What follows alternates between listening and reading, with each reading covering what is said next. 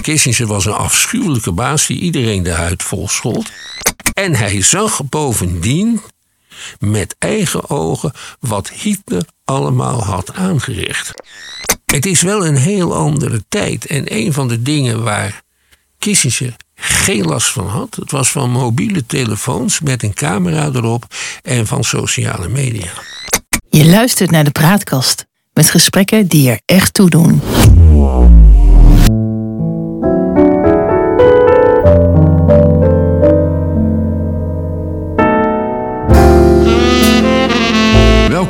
Praatkast.nl. Dit is een aflevering van het Geheugenpaleis. Mijn naam is John Niedim en samen met historicus Han van der Horst maken we deze podcast.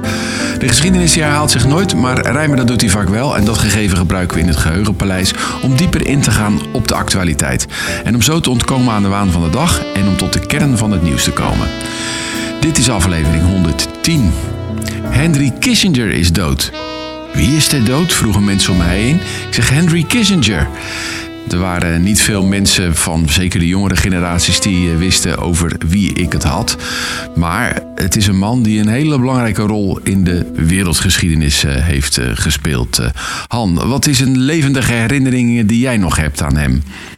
dat hij op de televisie kwam, bijna dagelijks in de jaren zeventig, vooral in de eerste helft daarvan. Want hij was degene die de Amerikaanse buitenlandse politiek vorm gaf. En hij was een dienaar van president Nixon. En wij, langharig, werkschuw tuig en, en linkse studenten, hadden dus een buitengewone hekel aan deze Henry Kissinger. Uh, we vonden hem een moordenaar, want we wisten veel slechte dingen van hem, die. Um, altijd vergoeilijkt werden door commentatoren op de radio zoals meester G.B.J. Hilterman. G.B.J. Hilterman.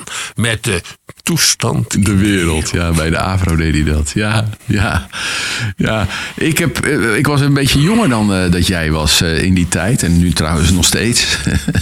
um, en ik, ik herinner me ook dat ik als klein jongetje hem heel vaak op tv zag. En ik vond dat die man er een beetje apart uitzag, om het maar zo te zetten. Zeggen, een beetje kleine gedrongen persoon met een, uh, nogal een rond hoofd, een zwarte bril en dan van dat krulletjeshaar met een hele wijkende haargrens. En dat vond ik als klein jongetje toch wel fascinerend. Eh, maar wat zeg maar zijn politieke betekenis was, uh, dat wist ik in die tijd nog niet. Maar het is een zeer controversiële persoonlijkheid eigenlijk geweest, die gehaat en uh, geliefd uh, werd.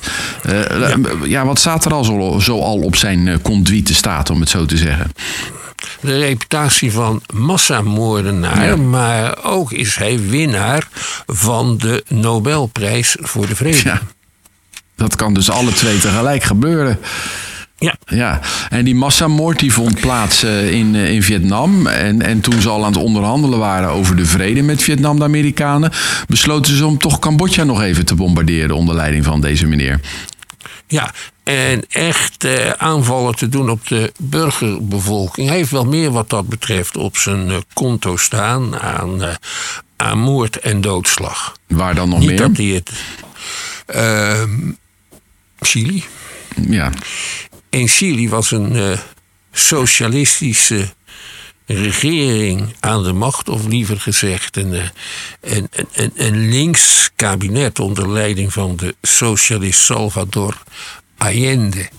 En uh, die is door generaal Augusto Pinochet ten val gebracht op buitengewoon bloedige wijze met steun van de CIA en de Amerikaanse regering. Daar zat Kissinger achter. Moet je nog meer voorbeelden? Nou ja, ik denk dat hij ook het Argentijnse regime van Videla heeft gesteund. Ja, die steunde die uit de grond van zijn hart. Ja. En hij steunde ook uit, uit de grond van zijn hart de, ja, de misdadige strijd die gevoerd werd tegen linkse guerrilla-strijders in Argentinië. En alle mensen die verdacht werden van sympathieën met die linkse ja guerrilla's. En dat had alles te maken met zeg maar, de angsten voor het rode gevaar, voor het communisme, Ja. aangedreven door, eh, eh, door Rusland. Het was iemand eh, waarvan ook wel geschreven wordt dat hij was van de realpolitiek. En dat staat dan voor een politiek die eigenlijk ja, gekenmerkt wordt door het totaal ontbreken van enige moraal. Het is belangrijker om stabiliteit te hebben dan om een rechtvaardige wereld na te streven. Ja.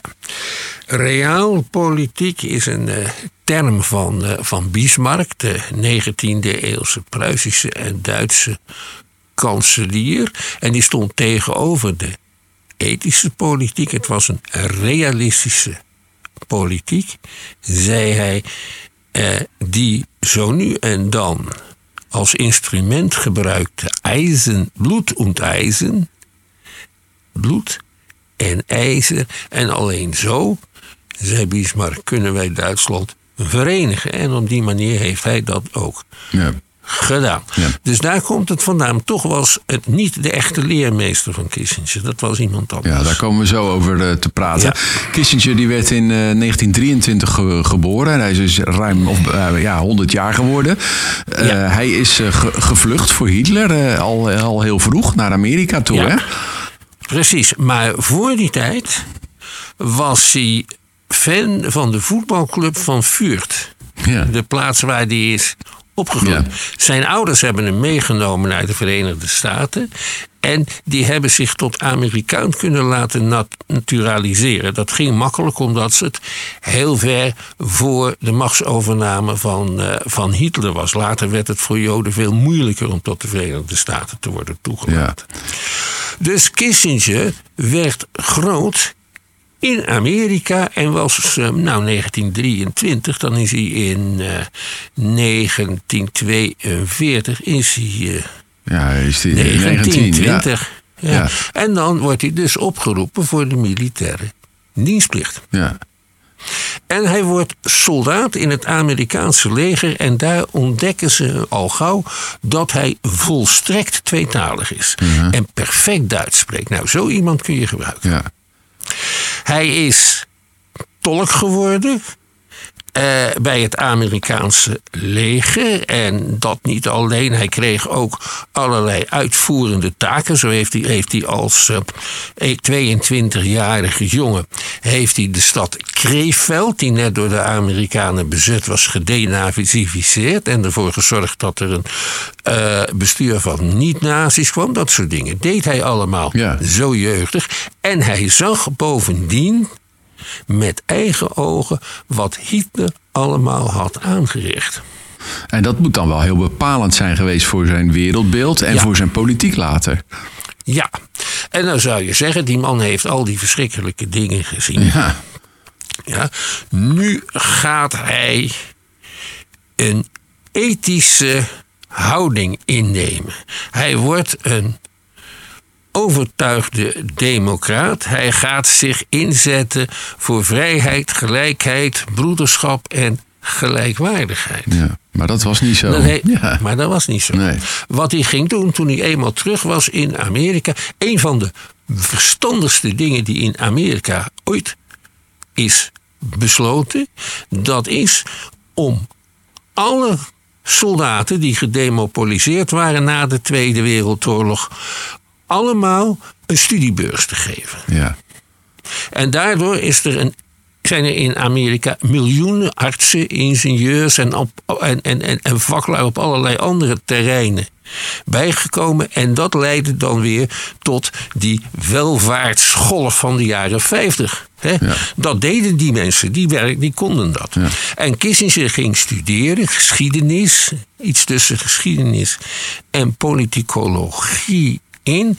En hij ging kijken van hoe je kon voorkomen dat er weer zoiets gebeurde als eh, in de Tweede Wereldoorlog. En hij vond een voorbeeld. En dat voorbeeld was Napoleon. Ja. De keizer der Fransen, die net als Hitler heel Europa had veroverd. Ja, daarna een nederlaag had geleden. En daarna moesten de overwinnaars Europa opnieuw organiseren. Kissinger ging kijken hoe ze dat gedaan hadden. En daar kwam hij een maatgevende figuur tegen. Die heette Clemens von Metternich. Ja. Ah.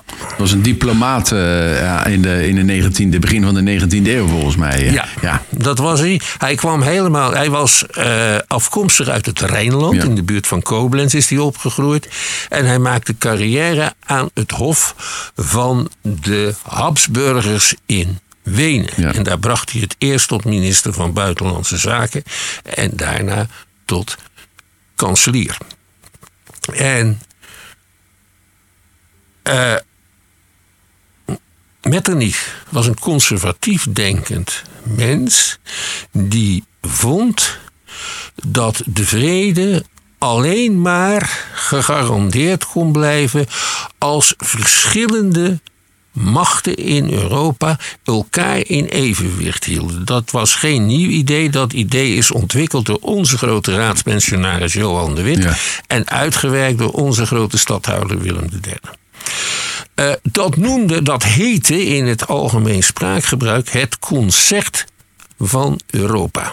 Ja, en dat, dat bepaalde dus dat de verschillende belangrijke naties, zoals Frankrijk, Engeland, Oostenrijk, Rusland, ja. allemaal elkaar probeerden in evenwicht te houden qua macht. Ja, en dan zou de vrede gehandhaafd blijven. Hij heeft er ook specifiek voor gezorgd dat Frankrijk niet te veel vernederd werd. Ja. ja. Want dan zouden ze opnieuw kunnen beginnen met een revolutie enzovoort. Hm.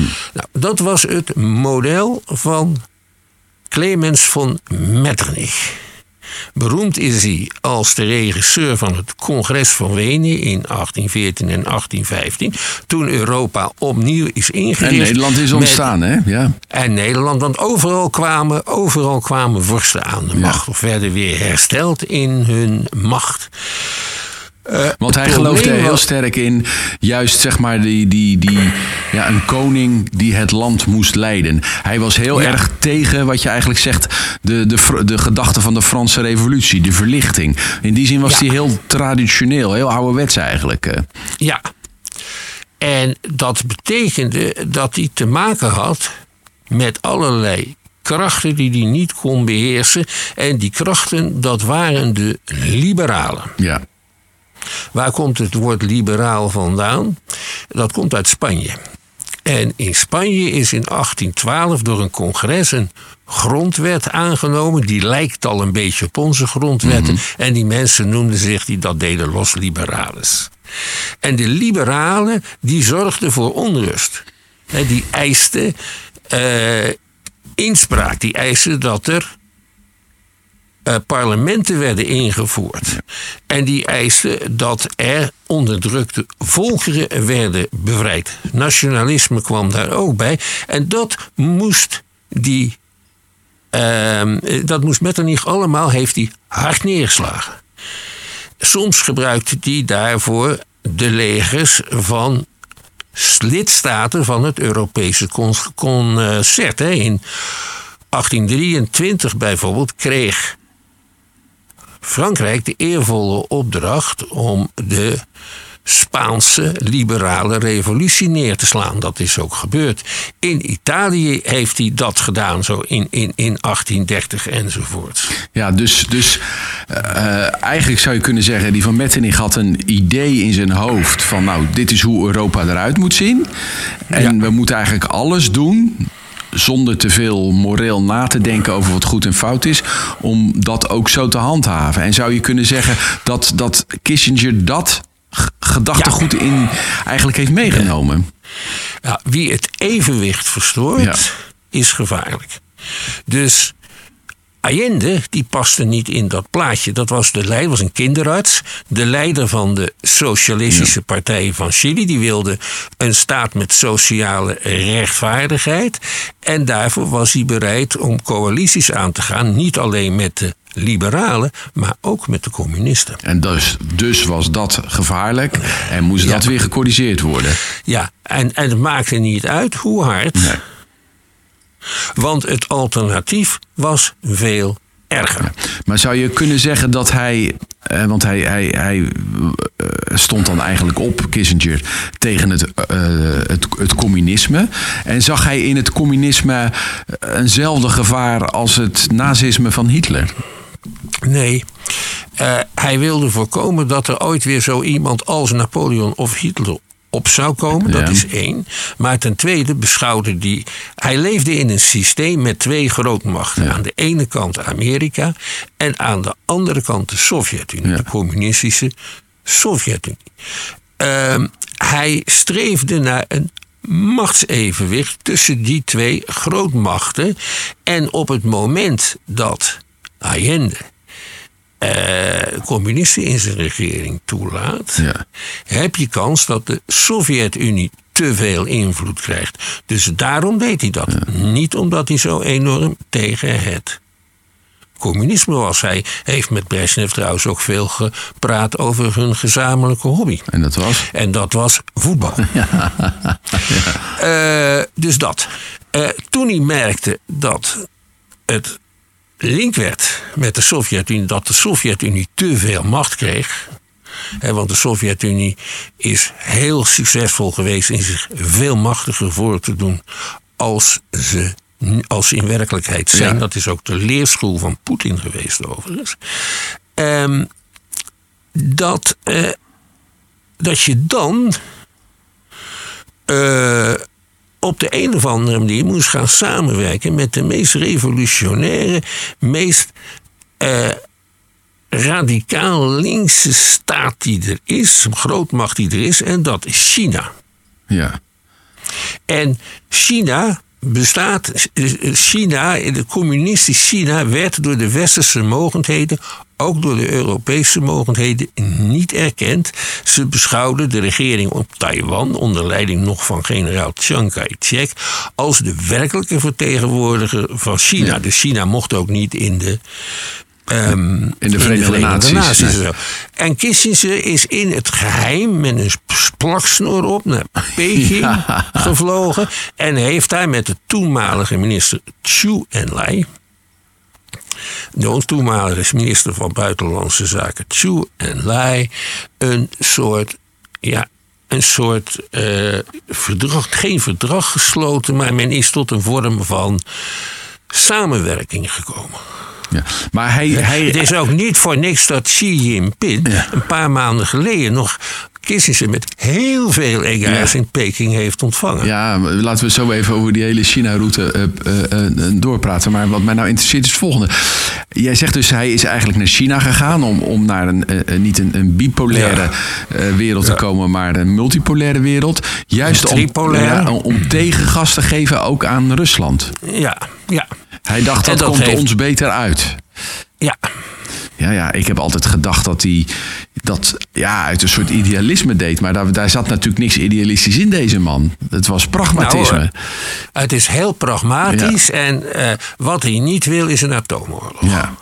Dat heeft hij een tijdje wel gewild trouwens. Toen hij jong was, heeft hij nog artikelen geschreven waarin hij zei: Nou, we moeten de Sovjet-Unie wel laten zien dat we wat durven. En dus moeten we bereid zijn om een klein tactisch kernwapentje een keer te gebruiken. Daar leren ze van. Maar die gedachte heeft hij laten varen. Kissinger uh, is uh, uiteindelijk uh, nationaal veiligheidsadviseur ge geworden in de regering van, van Nixon. Um, waarom is hij eigenlijk geen minister geworden? Er was al een minister uh, en die minister heette Rogers. Ja, je bent nog een van de weinige mensen op deze wereld die weet dat er een, toen een minister ja. van Buitenlandse Zaken was die Rogers heette. Ja, die zat op een zijspeer. En nu moet je beseffen dat in Amerika worden de ministers door de president aangesteld ja. en ontslagen. Maar hij moet daar wel dan wel rekening houden met het gevoelen in de Republikeinse partij, als die Republikein is. En er zijn een aantal mensen die komen daarvoor in aanmerking. Er is zelfs in de Verenigde Staten een belangrijke functie trouwens. Ik weet niet of dat nog zo is. De Postmaster General, dat is de minister van posterijen. Want bij de posterijen zijn altijd veel vacatures. En die worden dan gevuld met mensen die erg hun best hebben gedaan met het uitdelen van foldertjes ja. en zo in de verkiezingen. Ja, dat, zo die hele administratie wordt dan uh, vervangen. Maar waarom, ja. waarom koos hij dan niet voor uh, Nixon dan niet voor uh, Kissinger? Was dat, was dat gewoon niet zo acceptabel in die partij? Omdat hij misschien te links was of zo? Kiss, Nee, eh, Kissinger was niet zo, zat niet zo in de politiek. Voor die, dat, die wilde eigenlijk het liefst ook professor worden op Harvard. Dat is hem ook gelukt. En eh, Ja. dat was meer een geleerde. Heeft ook ontzettend veel eh, zeer saai en zeer dikke boeken Ja, geschreven. ik ben er die ermee bezig, inhoudelijk, ja, ja. inhoudelijk erg interessant zijn. Maar goed, hij, hij, hij is dan eerst veiligheidsadviseur en eh, daarna is hij ook minister van eh, Buitenlandse Zaken. En en ja, die gaat dan op een soort geheime missie naar, naar China toe. Maar de, Ja. de- de- dat is toch wel, als je dan kijkt in, in de tijd waarin we nu zitten, een van de meest verstrekkende besluiten geweest van Amerika om China salonveeg eh, te maken. Want Ja. daar zitten we nu nog steeds mee met de, met de effecten daarvan. Ja, precies, en dat kon hij. Hij kon Nixon overtuigen. Overigens door heel onderdanig tegen hem te zijn. Kissinger was een afschuwelijke baas die iedereen de huid vol schold. Er werd ook van hem verteld, zolang hij met één voet stampt is niet erg, maar als hij met twee voeten stampt wordt hij gevaarlijk.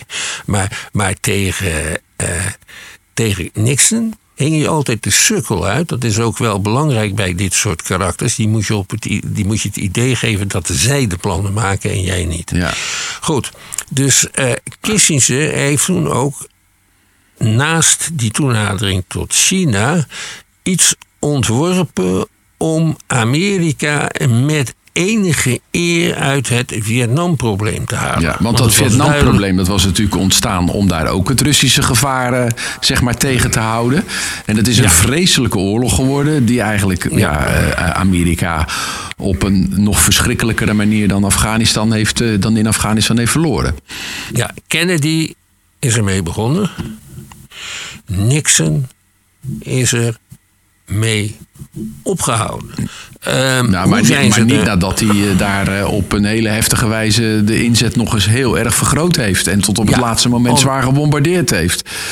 Precies, om ervoor te zorgen dat eh, Vietnam was sinds 1954 verdeeld in Noord-Vietnam en Zuid-Vietnam. En die waren met elkaar in oorlog. Die oorlog werd gevoerd door guerrilla-strijders in Zuid-Vietnam. En het was duidelijk dat die oorlog niet te winnen was. Nee. Ook al omdat de Amerikanen hun goede reputatie bij de Zuid-Vietnamezen door allerlei woest, ongevaarlijk en misdadig optreden hadden bedorven. Dus wat Kissinger nastreefde, maar nooit zei, was: wij moeten hieruit. De ehm, Noord-Vietnamezen moeten het voortbestaan van Zuid-Vietnam garanderen. En hoe het dan daarna gaat, dat zien we wel. Nou, dat is ook gelukt. In 1973 trekt Amerika zich terug. Kissinger krijgt de Nobelprijs voor de Vrede. Ja. Zijn onderhandelingspartner, Le Duc Tho, Vietnamees politicus, weigert die Nobelprijs, want hij zei: Dit heeft met vrede allemaal niks te maken. had hij gelijk in, hè? Ja. Ja, had hij gelijk in. En toen, twee jaar later, is Zuid-Vietnam opgerold. ja, dus toen eh, was eigenlijk achteraf gezien alles voor niks geweest. Ja, Ja. En ze maken die Amerikanen tientallen jaren daarna weer zo'nzelfde fout. En Ja. nog eens een keer zo'nzelfde Ja. fout. Dat is Ja. natuurlijk verschrikkelijk, ja. ja. Hoewel ze nu weer goede relaties met Met Vietnam. Vietnam Ja. onderhouden. En toen, ik weet nog, de val van Zuid-Vietnam, dat was ook een enorme blamage voor de Verenigde Staten. Want je had allemaal beelden van eh, vluchtelingen die met helikopters van het dak van de Amerikaanse ambassade Ja. werden gehaald. Ja. Ja, de vreselijke, vreselijke tijd eh, is dat geweest. Vooral voor de Ja. mensen die daar eh, eh, woonden natuurlijk. In de killing Ja, fields. en, Ja. Maar goed, hij heeft daar dan toch een einde aan gemaakt. Maar eigenlijk kan je dan ook wel zeggen dat, dat, dat, dat die politiek die, die hij dan bedacht heeft... dat die echt wel tot, tot nog bijna... Ja, totdat Reagan aan de macht was... eh, eh, zijn Ja. opgeld heeft gedaan met, met, met wat er in Honduras gebeurde... in El Salvador, noem maar op. Ja, op de manier, op de manier van Metternich. Ja. En Dus storen, storende factoren, kleine storende factoren, die haal je weg. En als het moet, met heel veel geweld. Tja. En daar moet je dan niet s'nachts van wakker liggen. Want zo zit de wereld en zo zit de politiek in elkaar. Dat is het denken van Kissinger. Ja. Dat zou je ook eigenlijk als, als heel cynisch eh, kunnen, kunnen eh, kwalificeren. Of, Nou ja, nee, was het maar cynisch. Want er zit namelijk een gedachte achter. Ja. Die gedachte is idealistisch. Ja. Wereldvrede. Maar ja, daar wordt dan niks en niemand gespaard. eh, eh, eh, Nee. als alles wordt onderworpen aan dat doel. En er worden massamoorden gepleegd, er worden oorlogen gestart, er worden dictators in het zadel eh, geholpen. Hoe kan het dan toch dat die man ja, tot eigenlijk vlak voor zijn dood als zo gerespecteerde wetenschapper en, en, en diplomaat gezien eh, werd. Omdat hij een heel goed gevoel had voor zijn persoonlijke public relations. Dat is om te beginnen. En punt twee, omdat het echt een man was met eh, twee gezichten en zelfs nog een derde gezicht. Want hij heeft een belangrijke bijdrage geleverd aan het feit dat voetbal nu in de Verenigde Staten een serieus genomen volkssport is. Ja, vertel daar eens wat over. Nou, hij voetbalde altijd bij Vught, in zijn geboorteplaats. En hij is altijd blijven voetballen. Ehm, hij sloot zich in 1975 al aan bij, eh, bij de New York Cosmos. Hij heeft nog met Den Uyl op de tribune gezeten tijdens de beroemde wedstrijd in 1944 Nederland. 1974. Duitsland, 1974, Nederland, Duitsland. Dat was een groot kenner van voetbal. Hij kende ook de grote voetballers Ja. van Europa persoonlijk. En in 1994, toen het niet, door, niet zonder zijn inmenging de wereldkampioenschappen voetbal in de Verenigde Staten plaatsvonden, heeft hij een column geschreven die in een groot aantal Amerikaanse kranten werd gepubliceerd. En daarin analyseerde hij de wedstrijden en leerde hij de abonnees waar je op moest letten bij dat vreemde rare voetbal. Ja, dat is wel een bijzonder verhaal. Ik las ook ergens dat hij eh, eh, elk weekend eh, op zijn bureau de uitslagen van de Europese competities Ja. eh, kreeg. Ja, die moesten de ambassades hem aanleveren. De Duitse ambassade moest dat altijd aanleveren. Ja, dat is een mooi verhaal. En dat deed hij, ja. Een zeer kleurrijke figuur. Ik denk dat zijn, Ja. ja, dat, dat, dat eh, eigenlijk buiten kijf staat eh, welke invloed hij eigenlijk gespeeld heeft eh, in de wereld. Ja. Vergelijkbaar met, dat- met, met Van Metternich. Dat vind ik wel een hele mooie vergelijking die je dan Ja. eigenlijk maakt. Ja, Dat was ook zijn held. ja. En hij heeft daar heel veel van, van geleerd. Ehm, die Metternich was trouwens wel een groot muziekliefhebber, maar toch ook wel een beetje een, een saaie figuur die niet per se op de voorgrond hoefde te komen. Dat deed Kissinger ook niet. Nee. En dat heeft hem erg geholpen. Oh ja, waar hij ook wel zijn leven lang last van heeft gehad, dat moet je wel beseffen, is hij was natuurlijk een Joodse jongen die van niks met een beurs heel hoog geklommen Ja. was in de boom van de diplomatie. En daar komt hij dan van die Amerikaanse aristocratenzoontjes tegen ja. die eh, al anderhalf, twee eeuwen eh, de deftigheid vertegenwoordigen. En die moeten hem accepteren. En dat hebben ze nooit echt helemaal gedaan. Ja. Dus ook daar was die eh, om, eh, omstreden. Nou, eventjes dan afrondend terug weer naar, naar deze tijd. want hij stond dan toch wel voor eigenlijk een, een, een, heel tijdperk. wat de wereld tot op de dag van vandaag bepaald heeft. Ehm, als we dan naar het heden kijken. Zie jij mensen van een gelijke statuur als hij op dit moment eh, in de wereld? Nee, wel mensen die hem naproberen te doen. Een beetje zoals die meneer Blinken, Ja. die nu in, eh, in Israël wat tot stand probeert te brengen. Of, eh, of Macron. Maar het is wel een heel andere tijd. En een van de dingen waar Kissinger geen last van had. Ja. Het was van mobiele telefoons met een camera erop en van sociale media. Dus hij kon veel meer dingen achter de schermen doen dan zijn hedendaagse collega's. Ik denk dat dat een factor van belang is. Ja, want Het is diplomatie. iemand uit die- een andere tijd. Ja, diplomatie kan eigenlijk ook alleen maar gedijden bij de geheimzinnig, gedijen bij de geheimzinnigheid die er soms heerst natuurlijk. En dat je op Ja. geheime missies gaat. Ja, en dan op rare plekken. Ja. ehm, en eh, gesprekken voert. Hè. Ik woon niet zo ver van, en ik zal het ni- niet vertellen wat het is. Ik woon niet zo ver van, van een restaurant waarvan ik weet dat Rutte daar vaak met vooral internationale gasten eet, omdat het ook zo typisch Nederlands is. Verder vertel ik niks, want ik wil dat niet eh, openbaar maken, maar dat weet ik. Ja. En er is het, je hebt in Schiedam ook het Genever Museum. En dat Genevers Museum, dat was de plek waar, eh, waar Lubbers vaak met dit soort gasten kwam. Ja. En ook trouwens in een sterrenrestaurant, Hosman Frère, Ja. in die provinciestad, waar geen pottenkijkers waren. ja.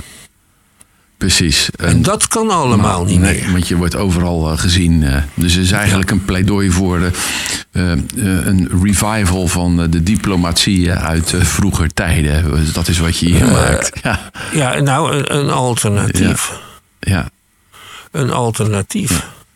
Voor die. Eh, want wat moet je nou in godsnaam doen met die toestand in Israël? ja. Ja. Of, eh of Soudaan, wat veel en veel erger is. Maar waar wij niks over horen en eh, lezen in de kranten. ja, ja. ja. nu, nou vanaf vandaag wel een beetje. Ja. Ja. Nou, daar moeten we een andere keer eh, over door praten. Interessant onderwerp. We moeten het hierbij laten, deze aflevering van het Geheugenpaleis. Die dus in het teken stond eh, van eh, de overleden topdiplomaat Henry Kissinger. En eh, we maken deze podcast in samenwerking met de Praatkast. En de uitzendingen zijn dan ook te vinden op www.praatkast.nl. Abonneren op onze podcast kan in de podcast-app die je vaak gebruikt. En abonneer je nou alsjeblieft, want dan krijg je vanzelf een bericht wanneer een nieuwe aflevering online komt. En wil je ons mailen, stuur dan een bericht aan info.praatkast.nl. Voor nu bedankt voor het luisteren en tot de volgende keer. Wees gelukkig, blijf gezond.